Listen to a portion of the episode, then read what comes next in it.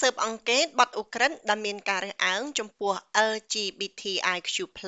ទាមទារឲ្យមានការដឹងឮអំពីការបរាជ័យរបស់ប៉ូលីសការស៊ើបអង្កេតទៅលើ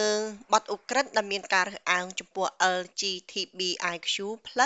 ត្រូវបានគេប្រាប់ប៉ូលីសថាប៉ូលីសបាត់បង់ភស្តុតាង និងបរាជ័យនៅក្នុងការធ្វើតេស្តលើវត្ថុតាងផ្សេងៗទៀតនៅពេលពួកគេស៊ើបអង្កេតដំបូងអំពីការស្លាប់របស់បុរសម្នាក់ដែលសាកសពត្រូវបានគេរកឃើញនៅឯការវាយដំមនុស្សស្រឡាញ់ភេទដូចគ្នានៅទីក្រុងស៊ីដនីក្នុងឆ្នាំ1989ការស៊ើបអង្កេតកំពុងពិនិត្យមើលលើការស្លាប់ដោយបទឧក្រិដ្ឋមានការរើសអើងដែលគេសង្ស័យថា មិនបានដោះស្រាយដែលបានកើតឡើងនៅក្នុងរដ្ឋ New South Wales នៅចន្លោះឆ្នាំ1970និងឆ្នាំ2010ការដាក់ពាក្យស្នើសុំឲ្យមានការស៊ើបអង្កេតលើការស្លាប់ដោយឧក្រិដ្ឋកម្មមានការរើសអើងដែលគេសង្ស័យថាមិនបានដោះស្រាយនៅរដ្ឋ New South Wales នៅចន្លោះឆ្នាំ1970និងឆ្នាំ2010កំពុងបង្ហាញពីការបរាជ័យជាប្រព័ន្ធនៅក្នុងផ្នែកមន្ត្រីប៉ូលីស ខណៈដែលសាកសពបុរសដែលកំណត់អត្តសញ្ញាណថាជា LGBTIQ+ ត្រូវបានគេរកឃើញនៅក្នុងការវាយដំដ៏ធំមួយ ការស៊ើបអង្កេតបានលើជាញឹកញាប់អំពីប៉ូលីសថាទទួលបរាជ័យនៅក្នុងការស៊ើបអង្កេតឲ្យបានម៉ត់ចត់ករណីមួយមុនពេលការស៊ើបអង្កេតគឺការស្លាប់របស់ John Rossell អាយុ31ឆ្នាំ ដែលសាកសពរបស់គាត់ត្រូវបានគេប្រទះឃើញនៅដេកលើថ្ម នៅជើងភ្នំក្រោម Booty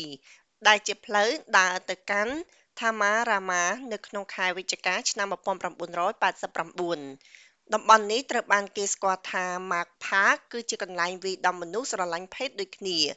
ដែលតែងតែទៅទីនោះដើម្បីរួមរះជាមួយបុរសផ្សេងទៀតមេធាវីជំនួយការស៊ើបអង្កេត Peter Grace និយាយថាប៉ូលីសដែលបានធ្វើការស៊ើបអង្កេតខាងដើមបានចាត់ទុកការស្លាប់របស់លោក Russell គឺជារឿងចៃដន្យប៉ូលីសពីប៉ុស្តិ៍នគរបាលប៊ូឌីបានស៊ើបអង្កេតនៅកន្លែងកាត់ហេតុ OIC ដែលជាមន្ត្រីទទួលបន្ទុកគឺជាអ្នកយាមសម្ភារបំពាក់ OIC បានចាត់ទុកការស្លាប់របស់ Rosell គឺជារឿងចៃដន្យ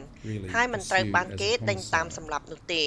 ទោះបីជាប៉ូលីសមួយចំនួនដែលពាក់ព័ន្ធនៅពេលនោះបានសង្ស័យថា Rosell គឺជាជនរងគ្រោះនៃការវាយដំក៏ដោយ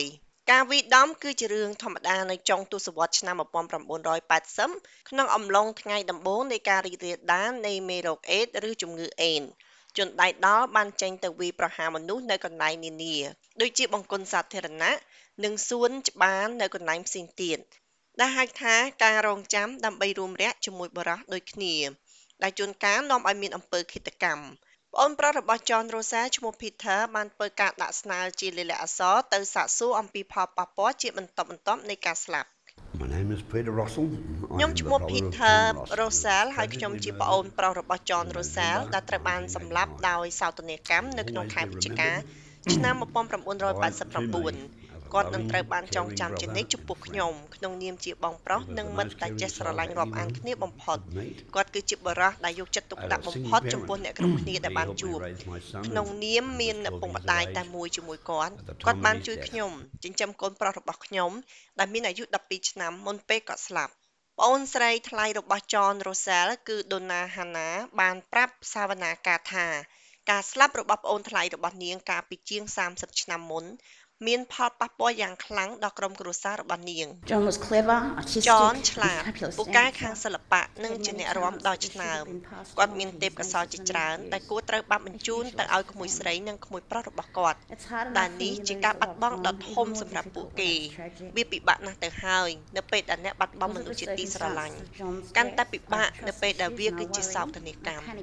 ដោយសារកលៈទេសៈនៃមរណភាពរបស់ចនខ្ញុំពិបាកទុកចិត្តគេណាស់ហើយខ្ញុំបារម្ភទៀតខ្ញុំភ័យស្លន់ស្លោពេលកូនខ្ញុំចេញទៅក្រៅខ្ញុំមិនអាចអង្គុយគេងមិនលក់ចិត្តខ្ញុំរវើរវាយហើយខ្ញុំគិតពីគ្រោះថ្នាក់គ្រប់បែបយ៉ាងរហូតតតែខ្ញុំឃើញគាត់ត្រឡប់មកផ្ទះម្ដងទៀតខ្ញុំមិនអាចសម្រាកបានតតែសោះខ្ញុំមិនប្រកាសថាពួកគេអាចឆ្លងកាត់វ័យជំទង់ដល់របៀបណា ហើយនៅមានសក់នៅឬអត់កូនរបស់ខ្ញុំឥឡូវមានអាយុ32ឆ្នាំ30និង26 ហើយខ្ញុំនៅតែបារម្ភអំពីបញ្ហានេះខ្ញុំខ្លាចមានអ្វីដ៏អាក្រក់នឹងកើតឡើងចំពោះពួកគេ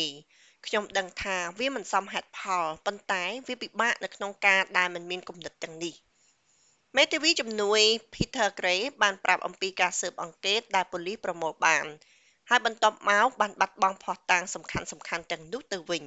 His body was found at the សាក base សពរបស់គាត់ of ត្រូវបានគេរក Cliffs ឃើញនៅ Marks តំបន់ Park. ច្រាំងថ្មនៅឧទ្យាន Mark Park The position ទី of his តាំងនៃ body រាង was កាយ such របស់ that គាត់ his គឺដូចជា head ក្បាល and របស់ upper គាត់ body និងរាងកាយ were ផ្នែក facing ខាងលើ towards របស់ the គាត់ cliff face, បែរមុខទៅច្រាំងថ្ម while ចោត his feet ខ were ណៈ towards ពេល the ដែល ocean. ជើងរបស់គាត់ឆ្ពោះទៅរក Human មហាសមុទ្រ hairs មានសក់របស់មនុស្ស Which may have been ដែល from ប្រហែលជា another សក់របស់អ្នកផ្សេង were ដែល observed ត្រូវ on បាន his គេ left hand. សង្កេតឃើញនៅលើដៃឆ្វេង The របស់ hairs គាត់ were សក់ bagged ទាំងនោះត្រូវបានគេដាក់ក្នុងថង់សម្រាប់ for វិភាគ analysis. ប៉ុន្តែពួកវាត្រូវបានបាត់បង់ But they មុនពេល lost ការសាកសួរ prior ដំបូង to the អំពីការ initial ស្លាប់របស់ inquest រ៉ូសែល into ដែលបានកើតឡើងនៅ Mr. ក្នុងខែ Russell's កក្កដា death ឆ្នាំ occurred បន្ទាប់ in ឆ្នាំ July the following 1990 1990. ពុំមានការវិភាគ No អក្សរវិច័យ forensic ណាមួយ analysis ត្រូវបានគេ has ធ្វើ ever ឡើងនៅលើសក់ទាំងនោះទេ been performed on ហើយការ those ស៊ើបអង្កេត hairs. បានលើថាប៉ូលីសមិនបានធ្វើតេស្តរកវត្ថុផ្សេងទៀតដែលអាចរកឃើញនៅកន្លែងកាត់ហេតុនោះទេ None of the exhibits, គ្មាន that វ is ត្ថុ the តាង clothing ណាមួយនោះ or ទេ the hairs, ទាំងសម្លៀកបំពាក់ or ឬ the រោម cigarette ឬ packet, កញ្ចប់បារី lighter or ឬវត្ថុ packet ស្រាជាជាង control ដបកូកាកូឡា was ត្រូវបាន subjected គេ to យកទៅ any ស្កេនម្រាម fingerprinting ដៃ or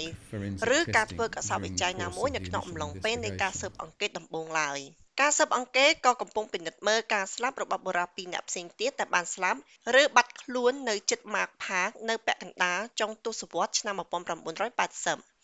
Gil Martini អាយុ 27 ឆ្នាំ ដែលត្រូវបានគេឃើញចុងក្រោយកំពុងដើរនៅលើផ្លូវ Budi នៅក្នុងខែកញ្ញា ឆ្នាំ1980 Rose Warren អាយុ 25 ឆ្នាំ ដែលរថយន្តរបស់គាត់ត្រូវបានគេរកឃើញនៅ Mark Park នៅថ្ងៃទី22 ខែកក្កដា ឆ្នាំ1989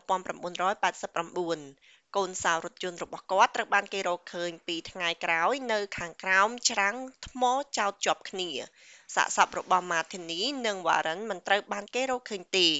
ប្រសិនបើអ្នកឬនរណាម្នាក់ដែលអ្នកស្គាល់ត្រូវការជំនួយ អាចតាក់ទង Q Life ចន្លោះម៉ោង3រសៀលដល់ពាក់កណ្ដាលអាធ្រាត្រតាមរយៈលេខ1800 184 527 ខ្សែជំនួយសេវាអំពើហិង្សាក្នុងគ្រួសារនិងផ្លូវភេទ Rainbow តាមរយៈលេខ1800 385 578ឬ Lifeline តាមរយៈលេខ13 11 14អត្ថបទនេះរៀបចំដោយ Gridane និងប្រាយសម្រួលដោយនាងខ្ញុំឡៅដានីសម្រាប់ការផ្សាយរបស់ SPS ខ្មែរ